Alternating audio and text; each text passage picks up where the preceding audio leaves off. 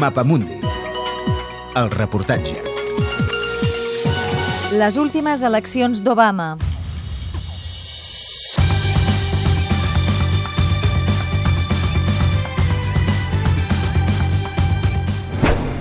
Què hi ha en joc? Es renoven els 435 escons de la Cambra de Representants, 36 dels 100 seients del Senat i 36 dels 50 governadors dels Estats de la Unió.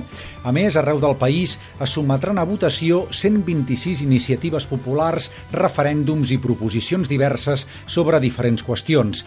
Totes les mirades estan posades al Senat, la cambra amb més poder, on totes les enquestes aposten perquè els republicans guanyaran almenys els 6 escons que els calen per recuperar-ne el control. Ara tenen 45 seients i els fan falta 51.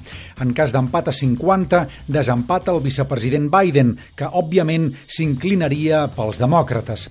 Totes les enquestes també apunten a que els republicans ampliaran presència a la Cambra de Representants, on ara tenen una majoria de 233 escons a 199, atès que hi ha tres seients vacants.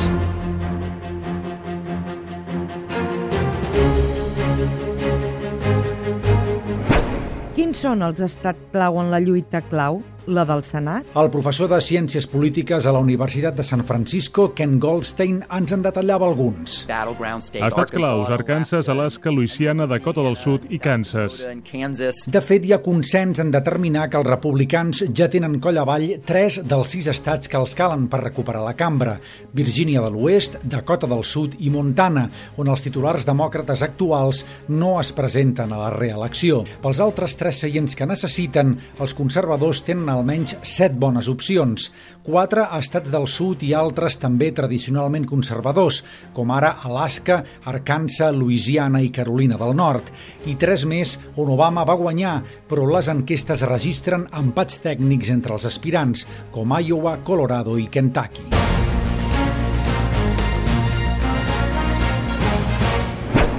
Per què es contempla un escenari insòlid? Perquè a Kansas, en mans republicanes des del 1919, els demòcrates han retirat el seu candidat per donar més opcions a l'opció independent davant del senador republicà en exercici.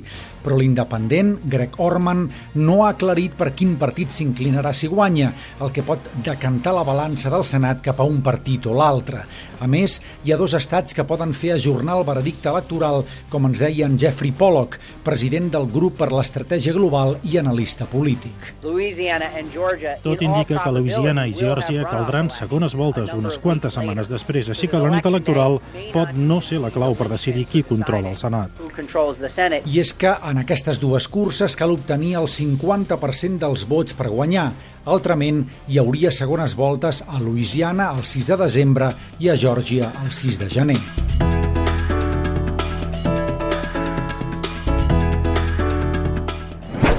Quin és el tema central de la campanya? L'economia, segons ens deia l'analista polític de la institució Brookings Thomas Mann.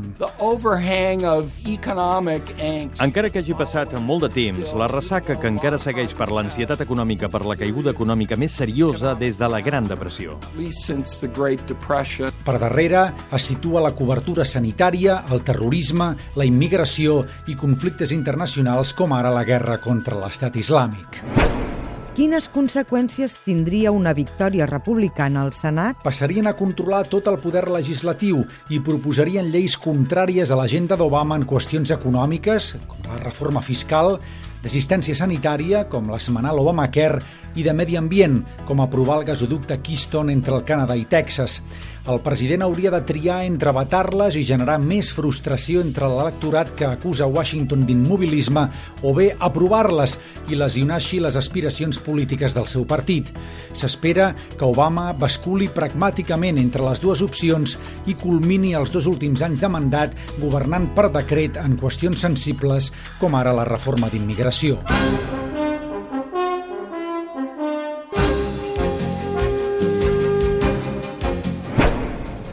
rol hi juga el president Obama? Ha quedat relegat a la recaptació de fons pels demòcrates perquè els senadors del seu partit en curses disputades no el volen per fer campanya atesa la seva impopularitat.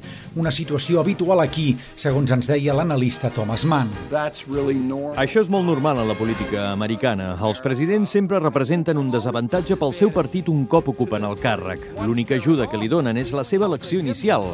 Atrauen més membres, però després això, en molt bona part, són una causa causa perduda. Per què són uns comicis històrics? Perquè mai abans s'havien invertit com ara gairebé 4.000 milions de dòlars per uns comicis pel Congrés.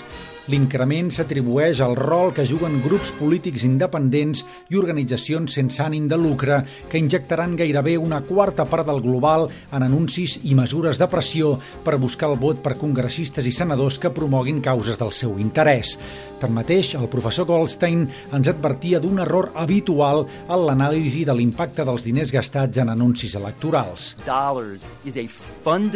Els dòlars són en essència una mala manera de mirar a qui guanya la guerra mediàtica mediàtica de la publicitat política. I això passa perquè diferents fons denunciants paguen quantitats diferents pel mateix tipus d'anuncis. Segons Goldstein, 3 de cada 4 dòlars que es gasten en publicitat electoral es destinen als canals locals de televisió on hi ha les conteses més renyides.